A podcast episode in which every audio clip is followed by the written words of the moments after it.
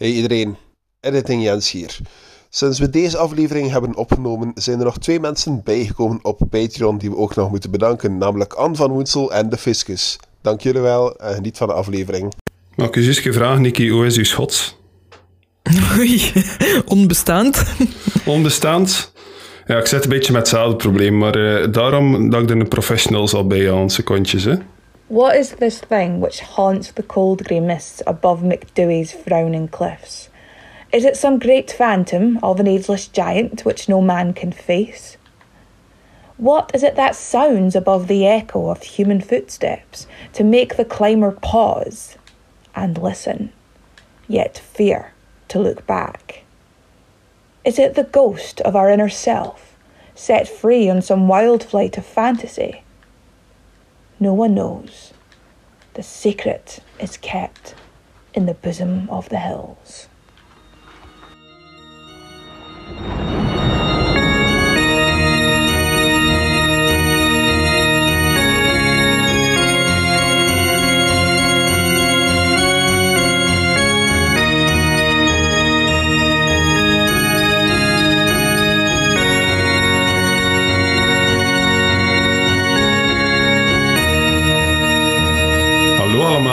Welkom bij Graspraak. Hey, Ik ben Jens. en ik ben Niki. Nicky zei al een beetje mee over wat dat hier gaat gaan. Nee, maar ik weet nu wel dat de heuvels een boezem hebben. Ja, zoiets. Heb je de stem herkend? Eh, ja, onze goede vriendin Katie neem ik aan, aangezien dat wij maar één iemand kennen dat half Schots is. We kennen maar één professionele schot. Ja, dat is waar. Maar goed, dus welkom bij Graspraak. Voor wie ons nog niet kent, Graspraak is een wekelijkse paranormale comedy show met hier en daar een keer een paar weken pauze tussen, maar wekelijks dus, eh, waarin we elke week dus een of andere spooky, lugubere, legendarische, whatever case zullen bespreken. Alles dat zo'n beetje binnen eh, ja, het horrorfilmgenre past, maar dan in de echte wereld geplaatst is, past eigenlijk binnen ons tramien, hè? Mag ik het zo zeggen? Je mocht dat zo zeggen. Korter mag ook, maar doe maar. Elke week is een van ons de verteller en de ander is de luisteraar. Niki, wat doe jij van de week? Wel, vandaag neem ik eigenlijk eh, jullie plaats als luisteraar ook een beetje mee in. Want ik ga luisteren naar welk verhaal dat Jens ons te bieden heeft. En ik ga eventueel ja, hier en daar een keer een vraag of een opmerking geven, zodat jullie misschien ook nog een beetje meer te weten komen. Ja, inderdaad. Nadat je ons vorige week zo goed verteld hebt over eh, Madame Lalaurie, is nu aan mij.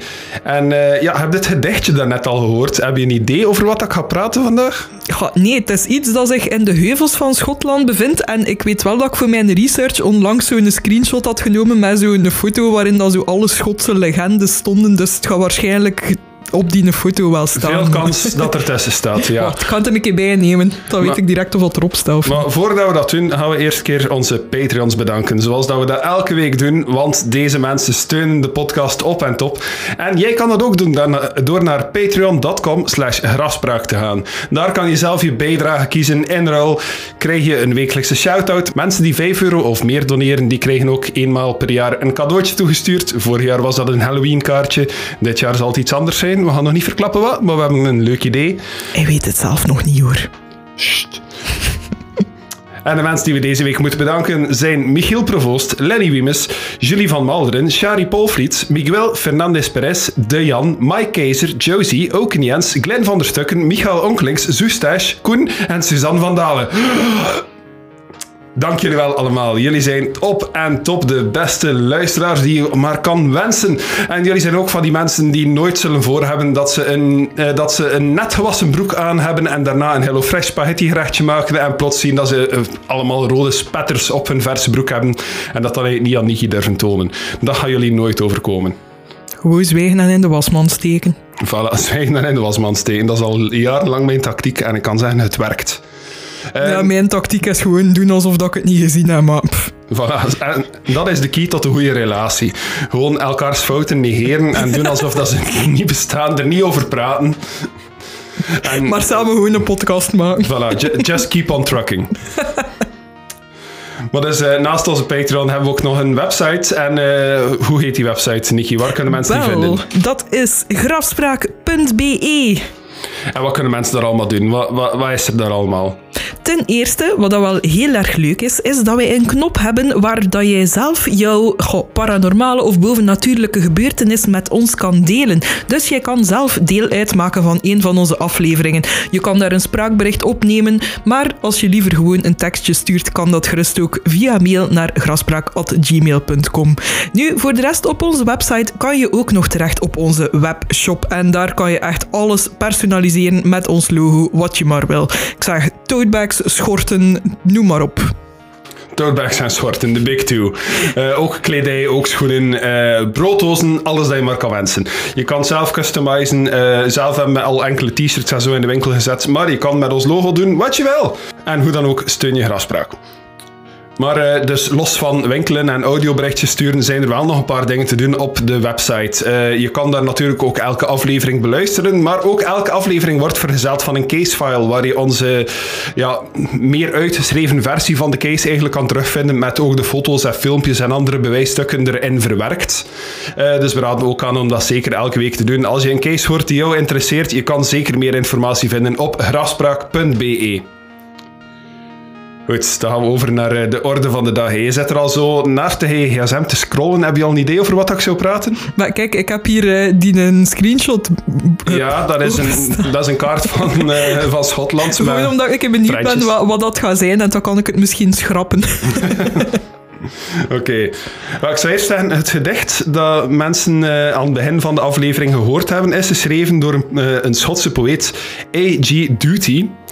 En die schreef dit gedicht na zelf een bezoek te brengen aan een van de Schotse bergen. Een berg genaamd en ik zal het misschien ook nog een keer door onze professionele schot laten zeggen eerst, voordat ik mijzelf hier verspreek en mezelf belachelijk maak voor elke Schotse luisteraar. Ben McDewey. De Ben McDewey. Hmm. Zegt dat je iets? Nee. Wel, Ben McDewey is een berg die, uh, die zich bevindt in, uh, in de Cairngorms. Ik zal uh, misschien Katie ook nog een keer laten zeggen hoe dat je dat uitspreekt. Cairngorms. Cairngorms. Dat is zo typisch Schots dat, dat zelfs een berg Mac moet hebben voor zijn naam. ben McDewey. De Ben McDewey. Maar A.G. Dutty die was zelf ook, uh, of Duty, ik weet niet hoe dat ik me uitspreek, het is met TH geschreven. Um, die was zelf ook op bezoek geweest in de Ben McDewey. En zoals veel mensen die daar, uh, die daar rondtrekken uh, wel eens voor hebben, had die het gevoel dat hij niet alleen was. De titel is dan ook heel toepasselijk. de Keltische of Gallische of whatever naam voor het wezen dat daar zou kunnen rondspoken.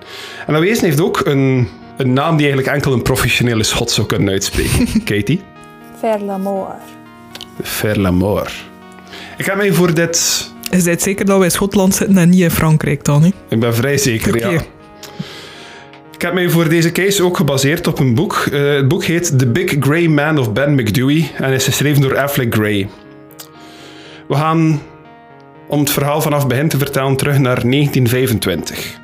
We gaan naar de East Highlands van Schotland. Het is een donkere nacht. Er is een klein dorpje dicht bij de Cairngorms, wat dat een gebergte is, waar dat de Ben McDewey slechts een deel van is. Nu, de Ben McDewey is ook de tweede hoogste berg van Schotland, als ik mij goed herinner. Proficiat. In dat dorp is het pikdonker. Het is 1925, er is nog niet te veel te doen s'avonds. Maar er is één klein gebouwtje dat wel verlicht is, waar dat er een vergadering gaande is eigenlijk. En de Cairngorm Club, wat dat een groep bergbeklimmers zijn, die zijn daar samengekomen. Het is een jaarlijkse bijeenkomst. En ja, vele leden kennen elkaar natuurlijk. Hè. Bergbeklimmers onder elkaar, dat is een hele community op zich. Die zijn ook vrij hecht. Maar er is één figuur die er eigenlijk bovenuit springt. Eén figuur die vrij bekend is en die iedereen eigenlijk kent. Je hebt verschillende klikjes, maar dat is zo de ene figuur dat iedereen instant weet van, ah, dat is een ding. Die heeft dan maar naar een top kunnen klimmen. Ja, voilà. Laat ons zeggen dat hij, ja, dat hij een berg van op een uh, paar honderd meter afstand direct zou herkennen. Zonder probleem. En hij is professor John Norman Colley.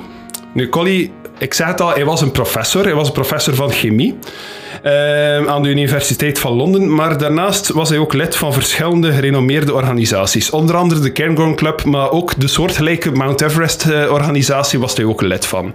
Dus echt wel een heel ervaren bergbeklimmer eigenlijk. Collie die werd gevraagd om een speech te geven. En ja, dat was een beetje tot zijn grote verbazing. Hij was niet voorbereid om een speech te geven die avond.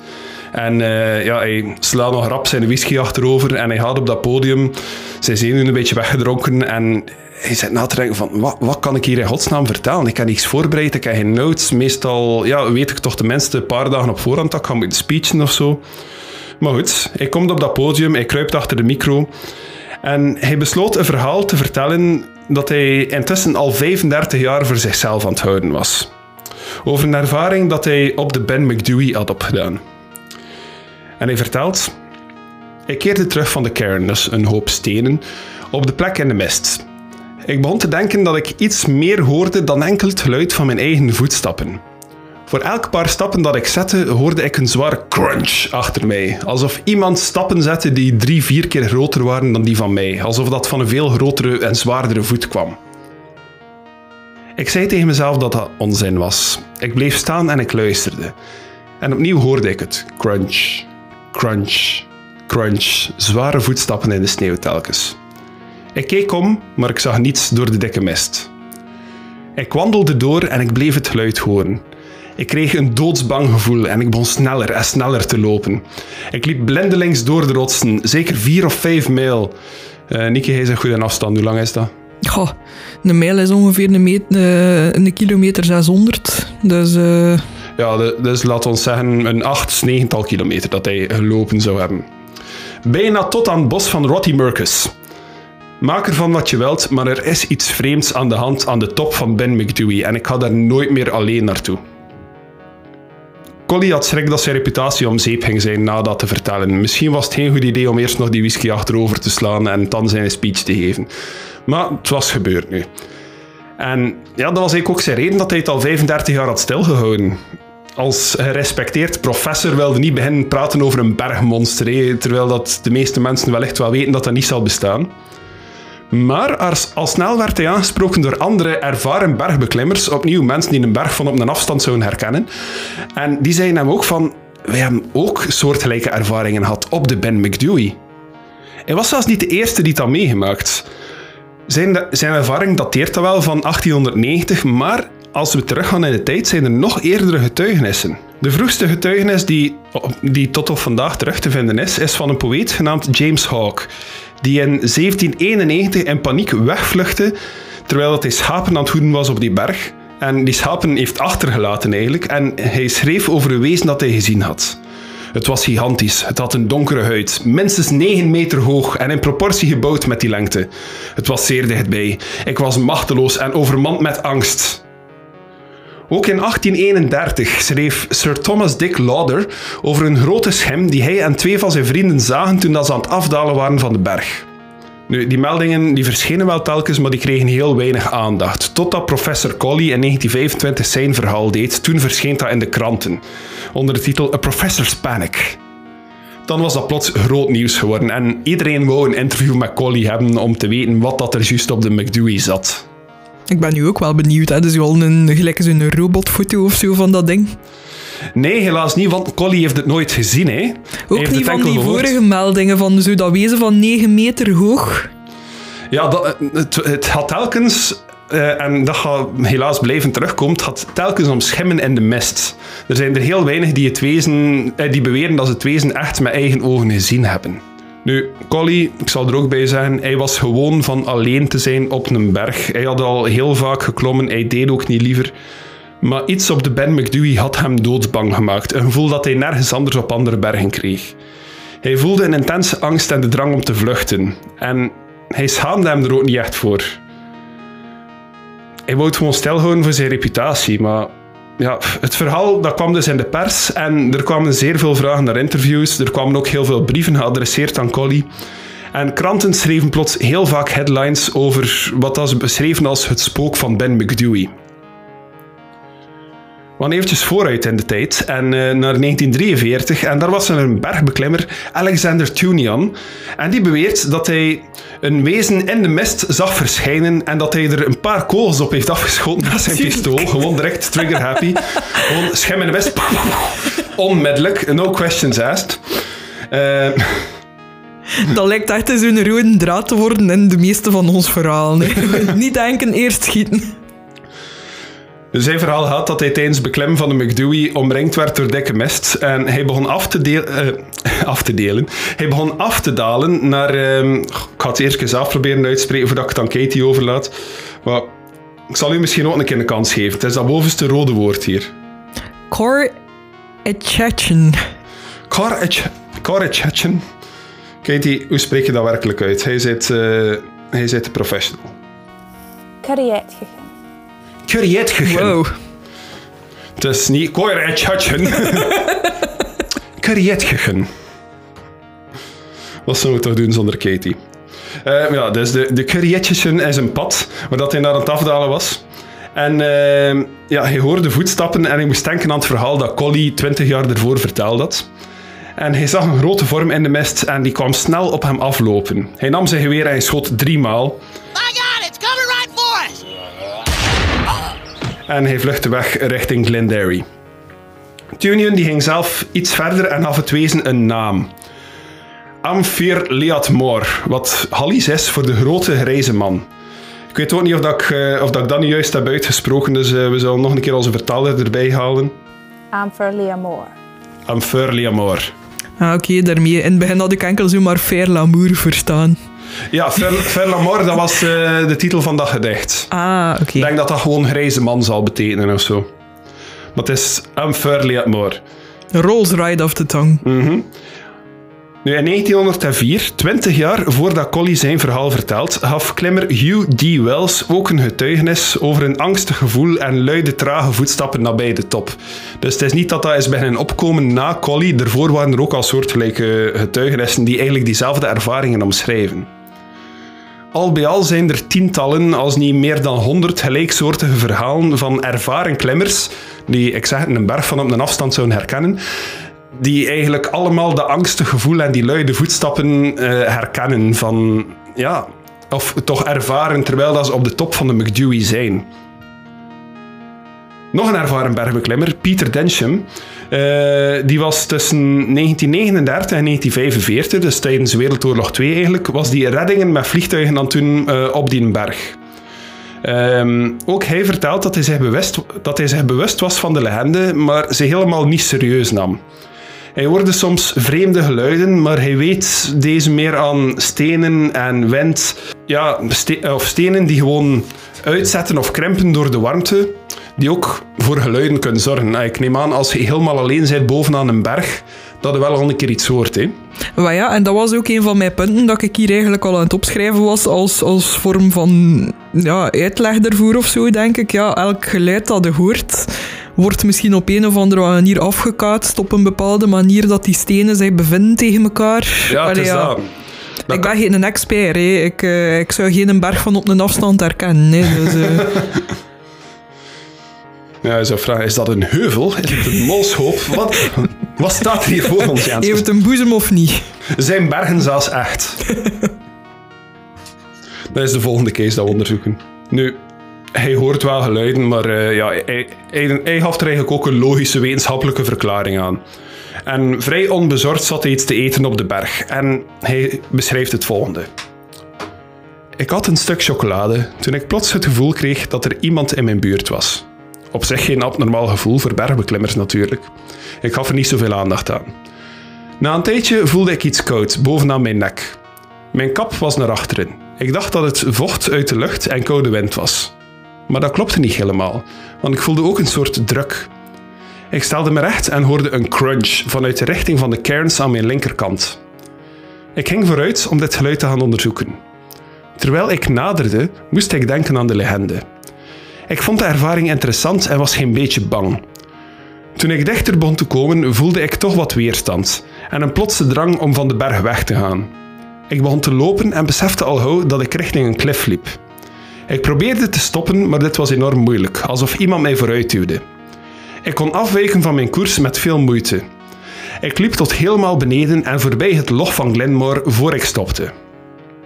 Dus opnieuw weer gelijkaardige elementen die toch terugkomen. Hè? Dat, dat gecrunch dat je hoort en die drang gewoon om te maken dat je weg bent. Die fight-or-flight response dat we allemaal nog wel in ons lizard brain hebben zitten. Eh, maar dat onverklaarbaar heel intens lijkt getriggerd te worden bij bergbeklimmers op de McDewey. Ja. Ik, ik heb er natuurlijk obviously geen verklaring voor. Ik weet niet, zou dat iets kunnen te maken hebben met de hoogte waarin dan ze zitten? Allee, aangezien dat de McDewey gelijk de tweede hoogste berg in Schotland is, misschien ja, met die hoogte dat er zo wat begint te eilen of iets. En ja, misschien door die legende, als je al zo'n beetje een believer bent, dat zich dan misschien ook al een beetje nestelt in je brein, ik weet niet. Nou, op zich moesten het geen ervaren bergbeklimmers zijn, zou ik akkoord gaan met u. Maar als je dan bijvoorbeeld kijkt naar professor Colley, die heeft de Everest beklommen. Ja. Wat dat aanzienlijk hoger is wellicht dan de McDewey. Dus allee, ik, ik weet niet of dat hoogte alleen al voldoende reden zou zijn. Want vooral ook veel mensen, en bijvoorbeeld eh, Pieter Densham, daar we nu over bezig zijn, die kent de McDewey van binnen en van buiten. Die deed reddingen op die berg. Die kent heel dat gebied. Die is, gewoon van daar bovenaan te zijn. Die, eh, het, is, het net omdat, eh, omdat mensen zijn die die berg heel goed kennen, die toch plots dat gevoel krijgen of eh, die mysterieuze voetstappen beginnen te horen. En dat die cases wel naar de voorgrond komen. Moest dat iemand zijn die daar nog nooit geweest is, die ook bijna ervaring heeft en die hoort rare geluiden en vlucht weg, ja, zou ik ook zeggen van, ja, dat, dat valt makkelijk te verklaren. Moest ik bovenop een berg zitten, zou ik ook dingen horen dat ik nog nooit gehoord heb. Maar ervaren bergbeklimmers, zeker mensen die die berg eh, al duizenden malen gedaan hebben, dat vind ik, eh, die krijgen toch een beetje meer credibiliteit bij mij, zou ik zeggen. Oh ja, dat is duidelijk dan, hè. het is een bergspook. Het is een bergspook, voilà. Op een andere gelegenheid, tijdens de oorlog, was, eh, het gaat altijd over Densham, was hij al in de Cairngorms met zijn vriend Richard Frere. En ze zochten naar een gecrashed vliegtuig. Na een tijd lang zoeken gingen ze ervan uit dat de melding niet correct was. Ze vonden niets, dus ja, ze gaven hun team de instructie om verder te gaan zoeken en zelf gingen ze naar het, eh, naar het Ben McDewey plateau, ergens bovenaan. Ze kwamen aan die plek rond 4 uur en ze keken naar de berg aan de horizon. En Denchen beschrijft: Ik hoorde Frère blijkbaar tegen zichzelf praten, wat ik raar vond, dat was niet van zijn gewoonte. Ik keek en ik kreeg de indruk dat hij tegen iemand had aan de andere kant van de cairn, iemand in de mist. Ik ging dichterbij en ik deed mee in het gesprek. Het was een heel vreemde, etherische, bijna bovennatuurlijke ervaring. We praten een tijd lang tegen iemand die we niet konden zien. Het gesprek duurde een tijd voor we doorhadden dat er eigenlijk helemaal niemand in de mist was. Achteraf konden we allebei niet meer herinneren waar het gesprek over ging. Densham is overtuigd dat de berg een psychische invloed had op hem en dat net dat dat gesprek zou moeten getriggerd hebben. Hij heeft de berg nog vaak bezocht, maar nooit meer zoiets meegemaakt. Toch bleef hij volhouden dat Ben McDewey een angstaanjagende en mysterieuze plek is om alleen te zijn, zeker in de winter. Richard Frere die heeft zelf ook nog getuigd over een ander voorval. Ook hij was vaak op de McDewey geweest en hij omschreef zijn ervaringen als zijnde spiritueel. De berg had een grote invloed op zijn gemoed, zei hij. Bij momenten werd hij depressiever hoe hoger hij ging. En besloot hij om op zijn stappen terug te keren. Dus dat kunnen we wel al een beetje eh, linken naar wat dat er net zei, dat die hoogte wel iets doet met je gemoed. Hij hield van de eenzaamheid op de berg, zelfs tijdens een storm. Tijdens de wandeling die hij maakte, wist hij om een of andere reden wist, hij zat hij met het gevoel dat hij niet alleen was tijdens die wandeling. Hij voelde een aanwezigheid. Hij omschrijft het als iets abstract, maar zeer echt. Hij beschrijft hoe dat hij verder wandelt langs het McBurnpad en voelde dat de aanwezigheid bij hem bleef. Toen hij nog een eindje hoger was, werd hij bewust van iets dat er wel echt al een hele tijd was. Een geluid dat hij omschrijft als een soort gezang dat hij kon horen. Het was heel vaag hoorbaar, net stil genoeg dat hij het wellicht al een tijdje aan het horen was, maar gewoon aan het negeren was. Maar nu was hij erop aan het focussen. Het was een, een soort gezang dat constant dezelfde toon bleef aanhouden. Het ging nooit hoger of lager, zegt hij. Nu, ik zie het al een beetje aan uw blik eigenlijk, maar wat is uw eerste gedachte als je dat hoort? Ja, dat is een cult dat hem daar ergens in die een berg verstopt heeft. Hè. Ja, ik zou eerder denken dan de wind of zo, maar Nee, er zit een gat in die een berg en er woont een cult. two kinds of people. Nu, initieel dacht hij ook, eh, net als ik, aan de wind, of de druk in zijn oren. Eh, maar na een beetje experimenteren con- concludeerde hij dat dat geluid uit de grond van de berg leek te komen. cult. Ja, cult, voilà. Eh, hij zegt dat hij geen rijke fantasie heeft, maar eens dat hij de bergen betreedt, blijft logica soms achterwege. Zij zijn eigen woorden. Nu, twee uur later was hij aan de piek van de McDewey en hij zegt dat hij de enige van zijn soort was die daar was. Maar dat hij zeker niet alleen was. Een van zijn soort. De enige mens die daar was. Mens, man, bergbeklimmer. Subcategorie. Niet cultmember. Schot. De enige van zijn soort, zo, zo omschrijft hij het. Bij het afdalen bleef die aanwezigheid ook bij hem, tot hij plots overmand werd met schrik, slechts een fractie van een seconde, en het gezang stopte. En het moment dat dat gezang weg was en dat die schrik gedaan was, voelde hij dat die aanwezigheid ook verdwenen was. Nu, Frère kon dat, dit incident heel concreet omschrijven, maar het gesprek dat hij met de onbekende in de mist had met Pieter Dencham had hij totaal geen herinnering aan. Dat is een getuigenis van Dencham zelf. Frère herinnert zich niet dat dat ooit gebeurd is. Er is ook nog een vriend van Richard Frère die ook beweert iets meegemaakt te hebben. Hij werd wakker in zijn tent toen hij kampeerde aan de kern en de schaduw van een groot lomp wezen zag die het maanlicht blokkeerde. Van de wezen zei, Hello, I'm Jens from Belgium, I am lost. nee, hij was doodsbang. Vol met sausplekken. Do you have cocktail sauce? Or samurai? Nee, hij was doodsbang. Hij voelde zich plots onderaan de voedselketen. Wat dat geen leuk gevoel moest zijn. En hij is een tijd lang muisstil blijven liggen voordat het wezen terug vertrok. Hij vond geen voetstappen, maar hij is zeker dat whatever dat voor zijn tent stond zeker 6 meter hoog moet geweest zijn. Nu, zoals dat je hoort, de omschrijvingen variëren wel een beetje. Eerst is het 9 meter, dan is het 6 meter. Nu, er zit wel 200 jaar tussen, dus als er daar een of andere Sasquatch-soort op die een berg leeft, kan het wel zijn dat, de, dat die gewoon met ouderdom of wel gekrompen is, of eh, dat die van 6 meter misschien een kindje is. Ja, de Son of Sasquatch. Son of Sasquatch, het zou kunnen. Sasquatch Junior. SJ. Squatchy. We kijken even naar auteur Wendy Woods en die vertelt in haar boek The Secret of Spay over haar eigen ervaringen aan de Lyric Grew Pass. Ik weet niet of dat ik Lyric Grew Pass eigenlijk juist uitspreek, dus we zullen nog een keer luisteren. Waarschijnlijk niet, inderdaad. Larrick grew pass. Lyric Grew Pass. Dank u, Katie. Nu, ze komt aan de paas op een dag met lichte sneeuw. Eh, wandelen in deze omstandigheden was niet ideaal, want veel rotsblokken waren half gecamoufleerd door de sneeuw. En eh, ja, ik weet niet hoe dat, dat bij u zit, maar ik stoot al rap een keer met een grote teen ergens tegen, dus eh, ik zou er al niet voor te vinden zijn. Geen groot lomp wezen. Ze hadden al besloten eh, dat dit zo ver was als ze zou gaan. Nu, een tijd lang bewonderden ze de kliffen van de Kreak aan Letcoin. Kreek aan Letchen. Dat is. Ehm, dus ze bewonderde de kliffen van de aan Letchen nog vooraleer ze zou terugkeren hoe ze gekomen was. Plots hoort ze een stem achter haar. Een diepe, brullende stem die hard nadruk legt op lettergrepen en volop oud-Hallies aan het praten is. Ze was zodanig bang dat ze niet kon onthouden wat er gezegd werd. Laat staan proberen vertalen. Het geluid kwam nogmaals. Deze keer leek het van onder haar te komen, opnieuw vanuit de grond.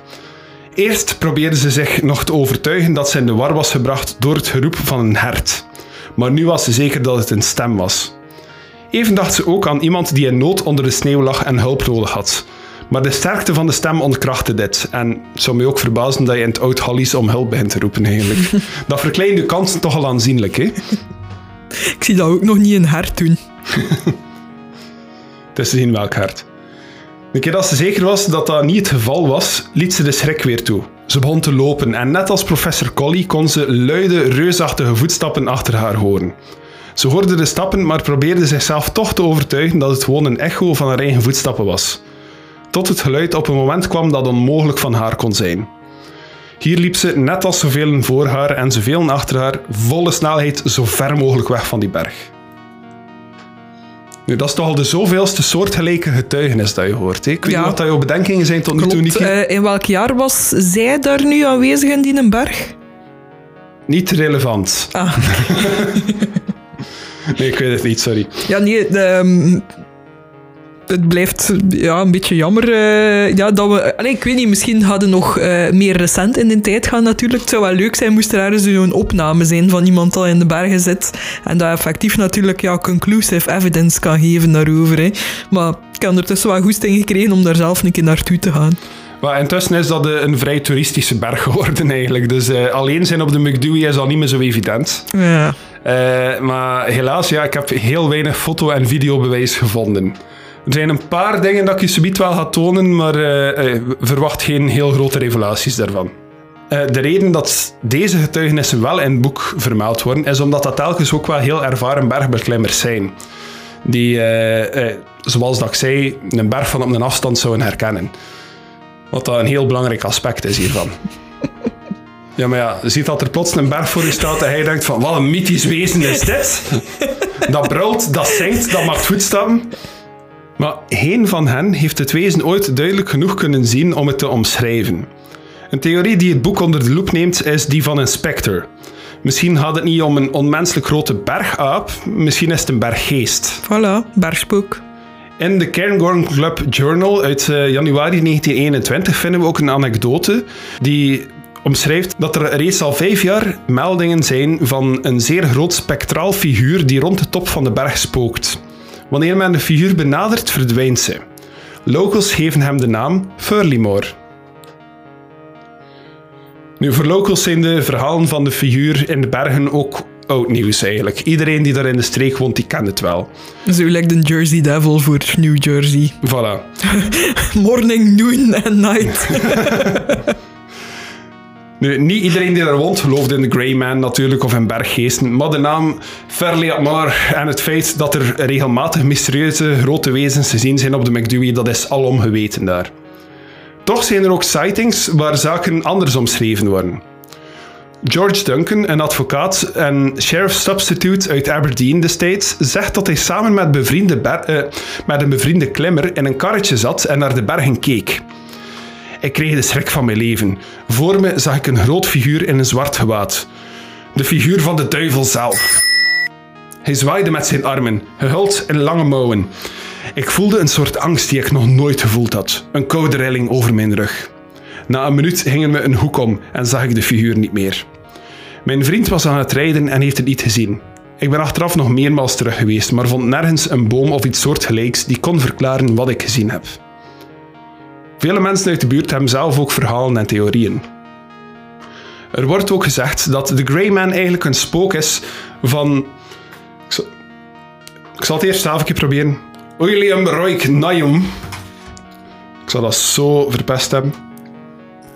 William Roynay. William Roynay. Uh, wat een poëet is uit de streek. Wiens gedichten en liederen nog steeds uh, geciteerd worden in de omringende dorpen. Dus zijn spook is blijkbaar uh, een van de berggeesten die je daar zou kunnen tegenkomen. Dus tot nu toe hebben we al de duivel dat zou kunnen zijn, het zou een dichter kunnen zijn, het zou een spectraal wezen kunnen zijn. Of een squatch. squatch. Of een squatch. Squatchy. Squatchy squatch. Squatchy squatch. Iedereen die die berg al beklommen heeft, heeft een eigen verhaal eigenlijk. Sommigen spreken over voetstappen, anderen over het akelige gevoel. Anderen spreken dan weer over de schim en de mist. Het onwaarschijnlijk grote wezen, of zelfs iemand die lijkt op een gewone man, maar met grijze huid, die eigenlijk uh, die gewoonlijk in opvallend korte kledij, zoals een t-shirt, over de berg wandelt en weer verdwijnt.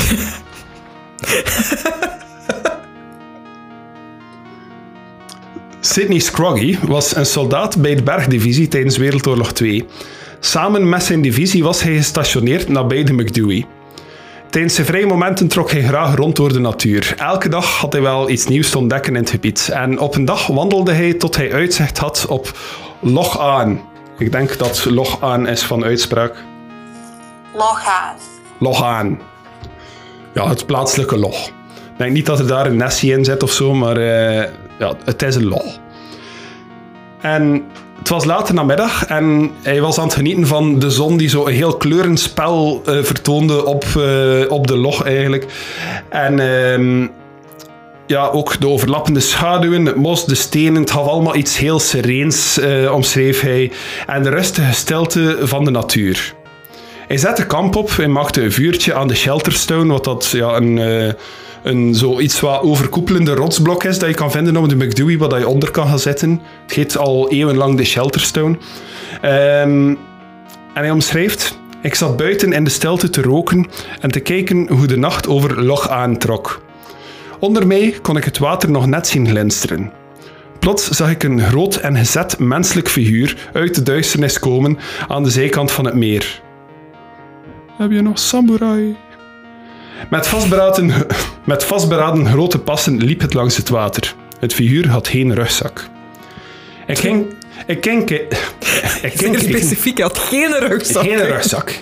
Belangrijk. Ja, ik denk dat de meeste bergbeklimmers wel een bij hebben, eigenlijk. en ook de militairen, want we waren daar allemaal militairen gestationeerd. Ik ging kijken en stond al snel beneden. Toen ik de figuur wou benaderen, zag ik hem nergens meer. Vreemd was dat ik ook nergens voetstappen vond in het zand, dus ik had geen idee in welke richting hij ging. Ik had nog geroepen om hem te begroeten, maar kreeg geen antwoord. Ik weet dat er in die tijd een divisie Noorse soldaten in die buurt gestationeerd was, dus ik dacht dat een van hen zou zijn, maar die zou een antwoord geven als ik roep. Ik weet niet of ik die avond het privilege had om de Big Grey Man van McDewey te zien, maar ik heb zeker iets gezien. Nu ja, als we naar de losse getuigenissen kijken, is het niet moeilijk om heel het verhaal als onwaar te beschouwen. Nee, ik, ik heb al veel sceptische opmerkingen gehoord van u. Ik vind ze ook heel terecht. Ik ben zelf ook heel sceptisch over dit verhaal. Ja, maar pas op, allee, ik sta er wel voor open. Want allee, het is gelijk dat je ook al gezegd hebt en dat wij ook in verschillende uh, andere cases al gezegd hebben. Je riskeert wel tamelijk veel om je eigen reputatie op het spel te zetten om daarmee naar buiten te komen. Dus allee, iets moet u wel zodanig ver krijgen om daar toch mee naar buiten te komen en eventueel gelijk ja, uw job en uw credibility en al op het spel te zetten. Hè. Voilà, hij gaat dat niet doen enkel omdat je een man zonder rugzak en een t-shirtje loopt. maar ja, het blijft wel opvallen dat er dus al eeuwenlang gelijkaardige getuigenissen en steeds van gerespecteerde mensen ook naar buiten komt. Inderdaad, zoals dat je zegt, van ja van professoren, van uh, advocaten, van militairen, uh, ervaren bergbeklimmers ook allemaal die een berg van op een afstand zouden herkennen. En ja, je kan niet zomaar alles als onwaar beschouwen als het honderden jaren lang hetzelfde verteld wordt. Oftewel is dat allemaal doorgestoken kaart van de Cairngorm Club natuurlijk. Hè. Dat al, ik weet niet hoe lang is afgesproken van hey, als een berg beklommen moet je zeggen dat iets gezien hebt. Hè. Wat, dat mij, wat dat bij mij vooral blijft hangen is die onverklaarbare angst die mensen omschrijven. Ook ja, die, die grote zware voetstappen. Ik neem aan, als je, als door een mistige berg loopt, dat je wel al een keer voetstappen van andere klimmers kan horen. Hè? Dat dat op zich niet echt iets speciaals is. Maar als, als die echt allemaal omschrijven van dat klinkt veel zwaarder, veel lomper dan dat je van een klimmer zou verwachten, ja, dan moet dat ook wel een oorzaak hebben natuurlijk. En ja, het enige jammer aan deze case is dat bijna niemand ooit echt iets ziet. Iets dat als concreet bewijs kan beschouwd worden. En als ze iets zien, dan is het meestal een schim, maar zeggen ze wel dat het onnatuurlijk groot is elke keer. Sommigen zeggen 3 meter, andere 6 meter. In 1700 en zoveel was het 9 meter. Allee, de, omschrijvingen variëren ook duidelijk. Hè? Er zijn er dan ook wel weer die zeggen dat het wezen dat ze gezien hebben het hoofd van een aap heeft. Dat is wel een omschrijving die wel al naar boven gekomen is.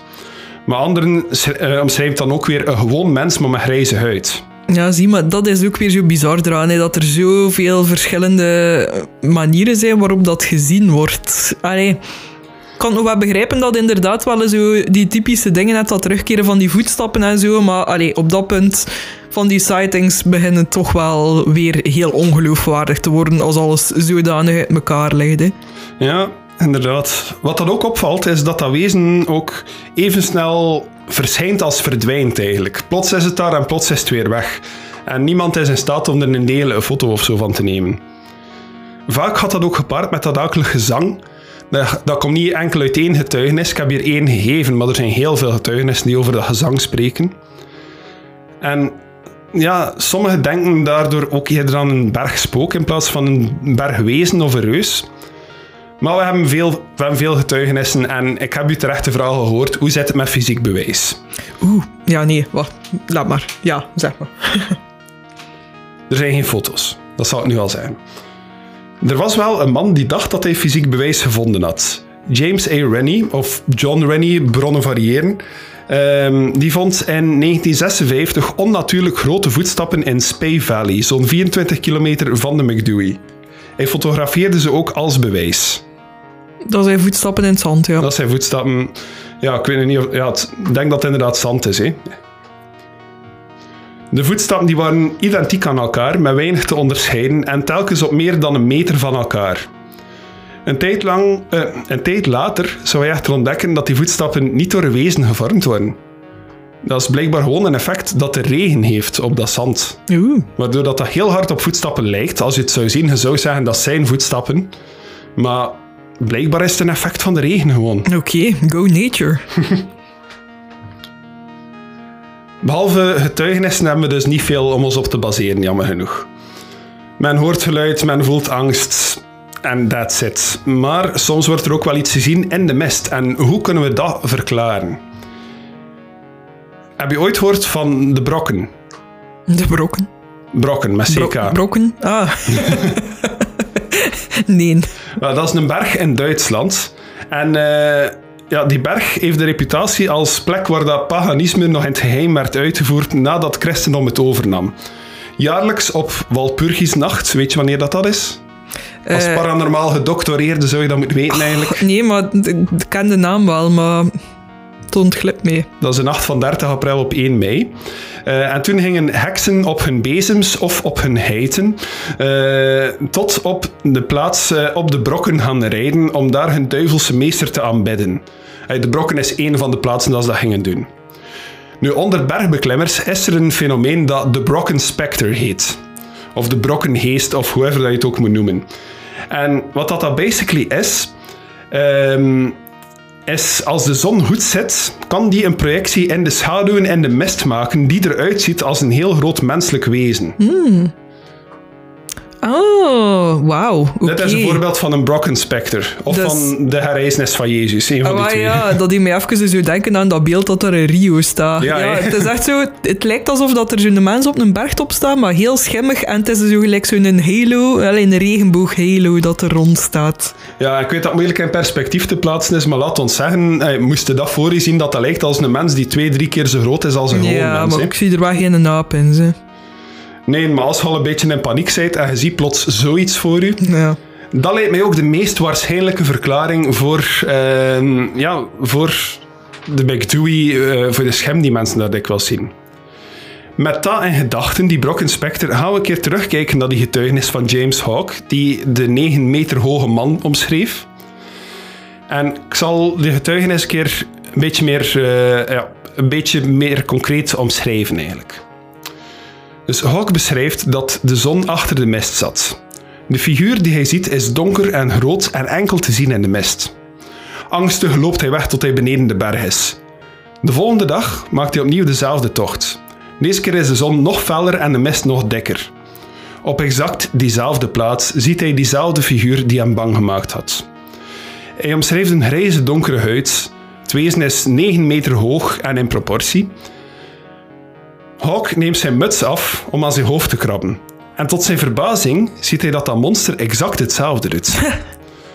Hawk heeft nog een tiental minuten spelletjes staan spelen met wat dat hij omschrijft als de schaduwduivel, maar de angst was weg. Dus Hawk was bang gemaakt van zijn eigen schaduw. Ja. Hoe zit het dan met de muziek? Door de jaren heen zijn er talloze getuigenissen van gezang of muziek dat vaak omschreven wordt als een soort Latijnse zang. Dus ja, sekscult, hè. Het antwoord op dat mysterie is echter vrij voor de hand liggend. Wind die door fijne plaats tussen de stenen passeert. Dat is hoe dat, hoe dat Latijns ook is uitgevonden, door de wind. Don't quote me on that. Ehm, maar dus, ja, dat, dat kan wel een muzikaal effect geven uiteindelijk. Want ja, een blaasinstrument is ook maar wind die passeert door fijne spleetjes op de juiste manier. Dus eh, natuur kan dat ook doen. De verklaring klinkt misschien een beetje simpel. Maar toch zijn er veel die beweren dat de muziek en zang ook te horen zijn wanneer dat er geen wind is.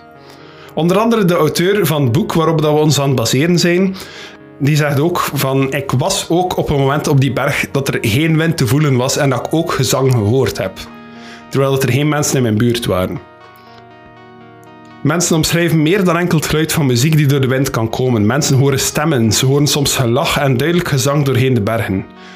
Nog vreemder is dat er ook verschillende gevallen zijn waar dat mensen samen op de berg zijn en de ene kan de muziek horen en de andere niet. Dat komt echter niet enkel in de cairngorms voor, maar zowel, eh, zo goed als elk berggebied heeft wel zo van die momenten. Mijn beste theorie zelf is dat zelfs al voelt het windstil aan dat er toch nog wind kan aan het verplaatsen zijn door bepaalde zaken, of dat je gewoon geluid hebt dat heel ver kan gedragen worden door weerkaatsingen. Ja, dat denk ik inderdaad ook. En dat dat soms kan zorgen dat je dingen hoort die vrij dichtbij klinken, terwijl dat ze dat het niet zijn. Ja, en allee, alles zo van die geluiden, dat doet mij ook zo een beetje denken aan... allee, niet dat ik het al geresearched heb, maar alles van de Dyatlov Pass. Allee, wordt er ook gezegd dat die mensen gek geworden zijn omdat sommigen gelijk ook een geluid in hun oren begonnen te horen, puur door zo de kou en de hoogte waarin dan ze zaten. Eh, Misschien heeft dat er ook iets mee te maken, ik weet het niet. Maar ja, ik denk dat de Dyatlov-pas inderdaad ook een mooi voorbeeld is van een massahysterie die ontstaan is eh, door toestanden op een berg. Denk ik. Ik hoor dat hij dat aan het onderzoeken zegt, dus ik zal ervan afblijven. Oh, nu, ik heb zo een keer een documentaire links of rechts bekeken, maar... eh, Naast dat gezang komen de voetstappen ook heel vaak voor. En die komen terug in bijna alle getuigenissen. Altijd grote, slome voetstappen die zware kraken... eh, eh, of die een zwaar krakend, crunchend geluid nalaten in de sneeuw. Zelfs verschillende getuigenissen van mensen die de legende van het wezen zelfs niet kennen. En meestal gaat het enkel over het geluid, worden er ook geen voetsporen teruggevonden. Maar de aspecten blijven hetzelfde. De stappen lijken dichter te komen, wanneer, maar wanneer dat mensen geloven dat de oorzaak van die voetstappen eigenlijk vlak voor hen zou moeten staan, is er niets. Er is daar niet echt een verklaring voor te vinden, behalve misschien smeltende sneeuw die toch een krakend geluid maakt, met een bepaalde regelmaat wellicht. Of misschien een andere klimmer die in de buurt is die de mensen gewoon niet zien. Maar het aantal meldingen van dat soort voetstappen leek wel telkens overeen te komen met elkaar. Wat dat mij toch doet twijfelen of dat wel telkens een andere klimmer is. Want het lijkt mij heel toevallig dat ervaren bergbeklimmers dat, dat geluid niet zouden herkennen. Ja, verschuivingen in de sneeuw of zelfs grote druppels die maar regelmatig aan het vallen zijn op de sneeuw kunnen het, kunnen het ergens ook verklaren. Nee, het, is, het is jammer dat er geen echte opnames van bestaan eh, die mooi dat geluid tonen. Anders was het makkelijker om dit te analyseren. Maar nu hebben we enkel omschrijvingen. Ja, en allee, ik blijf het ook wel raar vinden als het echt allee, ervaren bergbeklimmers zijn. Die een berg zouden herkennen Ja. van op een afstand. En voilà, die zouden dan toch ook wel... Allee, moest het gelijk iets natuurlijk, gelijk echo's zijn of zo, zouden ze dat misschien wel kunnen plaatsen. Omdat ze ja, wel al nog in een berg of twee, drie in hun leven beklommen hebben. Hè. Ja, het zou toch Dus moeten... allee, als dat echt inderdaad enkel op Dienenberg is, dat dat zo een vreemde echo of zo vreemde ja, voetafdrukken... Allee, geen voetafdrukken, maar het geluid van voeten... Ja, Ja. voetstappen. Ja, dat maakt het een beetje raar. Het geluid van voeten.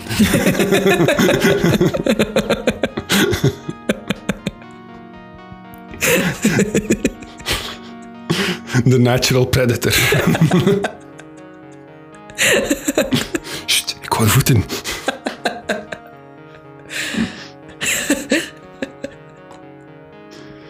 Ja, dat klinkt als een eh, soort fetish ASMR of zo. Ik ga daar niet aan meedoen. Bigfoot daarentegen. nu, er is nog een andere verklaring natuurlijk dat er gewoon een ongezien groot wezen in die bergen rondspookt. Dat kan ook. Of een cult van heel grote wezens dat daar rondspookt. Nu, er zijn... eh, Stel je gewoon zo'n hoop yetis voor, dan is in een roop staan. Oh nee, je- En aan het chanten zijn. Yeti sex cult. Dat lijkt iets voor de, de fanart. Nee, nee, nee, nee. Je komt niet op de website ermee, ik zeg het maar al. Michael, doe dit niet. Zo stash hij ook niet. Er zijn, eh, er zijn wel naast, eh, naast die foto dat ik net getoond heb, zijn er wel nog meldingen van voetsporen, maar heel weinig foto's, behalve ja, die dat ik net getoond heb. En ja, ik zeg het, dat, dat kwam dus door condensatie van regen en sneeuw, die wat vervormingen in, op, in oppervlakkige sneeuw maakt, die er met een beetje fantasie als grote pootafdrukken kunnen uitzien. Hierbij moeten we uiteraard ook rekening houden dat dat soort verhaal niet uniek is aan de Ben McDewey. Amerikanen hebben de Sasquatch, zoals dat we al verschillende keren benoemd hebben. De Russen hebben er ook een, weet u dat die noemt? Zeg een keer. De Almas.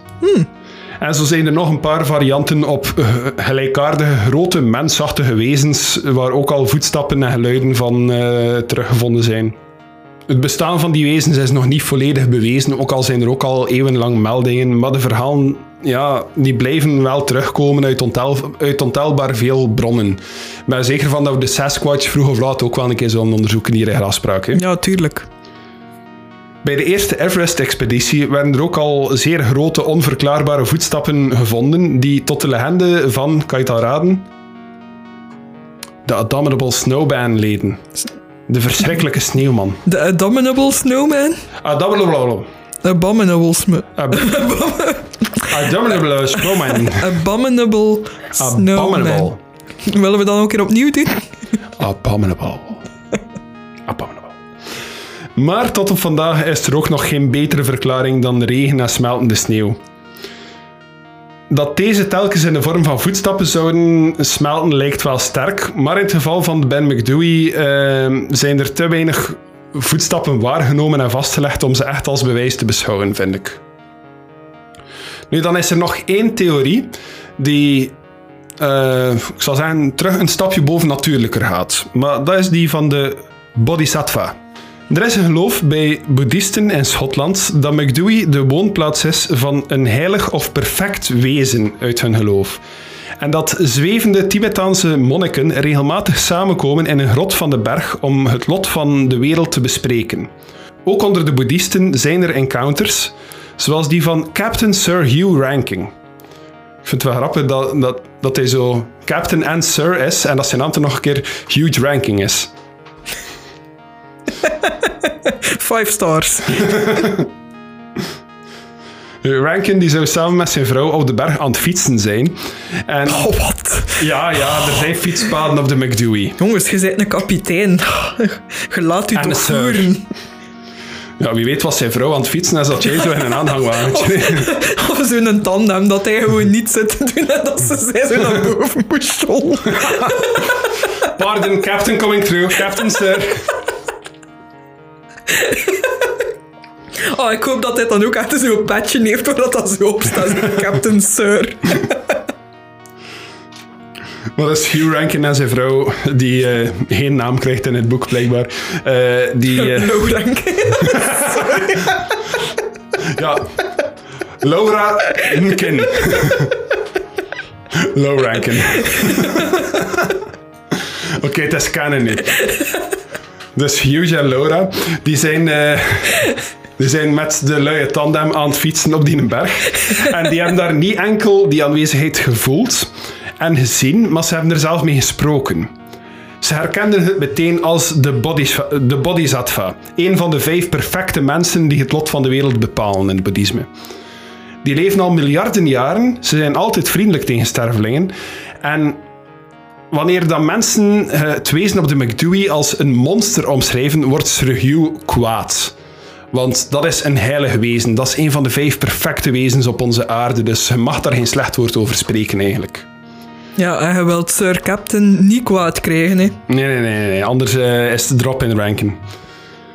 Nu, ze, on- ze ontmoeten de bodhisattva naar hun eigen woorden en ze herkennen hem onmiddellijk voor wat dat hij was. En ze gingen op hun knieën zitten als eerbetoon. Wat dat honestly ook wel het minst is wat dat ik verwacht als ik een graspraak van ontmoet. Het was ongeveer een meter negentig klein, volgens hen, met lange ledematen. Ah ja, ja, jij noemt dat klein, hè, maar je zit een meter 95. Ja, ja. Ja. Hij had een olijfkleurige huidskleur, een sterke kaak en, volgens dat zij omschrijven, een Indo-Arische neus. Ah ja. Teken mij een Indo-Arische neus, Nicky. Maar de Arische neus, dat is dus waarschijnlijk zo gewoon zo de, de super straight nose. Maar Indo, ja. Laat ons zeggen dat er misschien zo'n bobbelken in zit. Voilà. Oké, een straight nose met een bobbelke. Dat is een Indo-Arische neus, volgens Raspraak.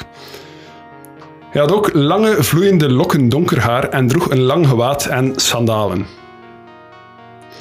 Nu, bodhisattvas die zijn immuun tegen temperatuur, wat dan misschien wel de, de t-shirt sightings verklaart. ze voelen geen warmte en ze voelen geen koude. Ze kunnen eten en drinken doen verschijnen wanneer ze dat willen en ze kunnen zweven om zich te transporteren. De aanwezigheid sprak tegen hen in wat ze geloven dat Sanskriet was. Ze zagen licht van achter de figuur komen terwijl die aan het spreken was.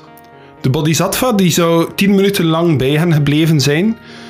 Zolang de ontmoeting duurde, hoorden ze ook voortdurend muziek spelen. Onder andere doedelzakken.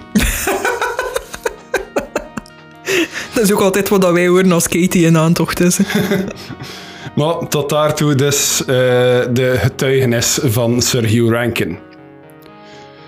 Nu, mijn conclusie is dat de getuigenis van Collie wel veel teweeg gebracht heeft. Vele anderen kwamen ook met hun verhaal naar buiten nadat, hij, dat, eh, nadat Collie dat gedaan had. Maar daarnaast waren er dus ook veel oudere en dus onafhankelijke getuigenissen die niets met Collie te maken hadden en die wellicht ook niet van elkaar wisten. Doorheen de research kwamen we ook verschillende mensen tegen die onafhankelijk van elkaar toch dezelfde soorten fenomenen konden omschrijven. En enkel hierop gebaseerd kunnen we toch moeilijk conclusief bepalen, vind ik, wat voor wezen er zou rondspoken op de McDewey. Maar misschien kunnen we al zeggen of dat er al dan niet een wezen zou kunnen zijn. Wat denk jij, Nicky? Mm, nee, ik ga hier voor eh, de, de natuurlijke uitleg gaan. Ja, dus de Brocken Spectre, de wind en bergpaniek. Ik zou wel nee, dat er zo'n geest aan het rondspoken was op die een berg en dat dat eventueel zo de gedaante kon aannemen van uw grootste angst of zo. Dat dat dan gelijk in een naap of weet ik veel wat kon veranderen ook nog een keer. Afhankelijk van wie dat er, uh, er naar aan het kijken was. Maar uh, Dus het is een Bogart die daar zit. exactly. Ja, ik denk dat ik sinds deze aflevering een nieuwe grootste angst heb. Yeti Sex Cult. Dat is ook een goede naam voor een band trouwens. Yes. Uh, ik kan geen instrument spelen en ik kan niet zingen, maar als er iemand de band Yeti Sex Cult wil opstarten, uh, let me know. Of moeten wij gewoon onze naam van onze podcast veranderen nu? Nee, nee, nee, nee. We gaan het verkeerde soort publiek trekken. Ik zie het wel op een t-shirt. Oh ja, Yeti Cult t-shirt. Maar ja, wie had er dan wel aan? Wil jij een Yeti Sex Cult t-shirt? Wil ik dat we die ontwerpen? Laat het ons weten. Bij genoeg interesse gaan we het. En mag Nicky die tekenen. Met een Indo-Arische neus op. En wat denken jullie, beste luisteraars, na al deze getuigenissen te horen? Zou er iets op de McDewey kunnen zitten? Zijn jullie er zelf al geweest misschien? Laat het ons zeker weten. Dat kan via e-mail, dat kan via een grafspraakberichtje op onze website. Uh, dat kan in de Facebook community slash cult. Je mag zelf kiezen hoe je ons contacteert. Er zijn manieren genoeg. We zijn ook te bereiken op grafspraak.gmail.com. Verder zijn wij ook te vinden op alle sociale media, Twitter, Instagram en Facebook. Zo blijf je op de hoogte van alle nieuwe afleveringen die uitkomen en eventueel andere nieuwtjes. Op Facebook is er natuurlijk ook de Grafspraak Community, de gezelligste club van heel de Laaglanden. Grafspraak is een wekelijkse podcast die ook op alle platformen beschikbaar is. Je kan ons onder andere vinden op Spotify, op Apple Podcast, op Google Podcast, op Stitcher, op eender welk platform naar jouw keuze. We, we zetten zelfs audio op YouTube, dus uh, je mag zelf kiezen waar je wil luisteren naar ons. Het is ons allemaal eender. Het enige dat we terugvragen is om je te abonneren en ons een rating te geven. Een 5-sterren rating helpt ons zo ver vooruit dat we nieuwe mensen kunnen bereiken. En daar zullen we ook altijd enorm dankbaar voor zijn. En ja, mensen die, die luisteren zonder te abonneren of zonder een rating, we appreciëren jullie, maar ik vrees toch dat, dat de kans aanzienlijk verhoogt dat je plots uit je tentje zal wakker worden omringd door een Yeti sexcult. En ja, dus vermijd dat. Geef ons een rating op Spotify, een follow, een, uh, ja, een rating op Apple Podcasts. Het is allemaal eender. We, we lezen het allemaal, we bekijken het allemaal en we appreciëren het allemaal. Dus dank u wel nog een keer om te luisteren en tot volgende week. Bye! Oh bijna iets vergeten, Nicky. Iets heel belangrijk. Oei. Wat heb jij in pet over volgende week? Wat is er griezeliger dan een spook? Een demon? Een kinderspook. A child.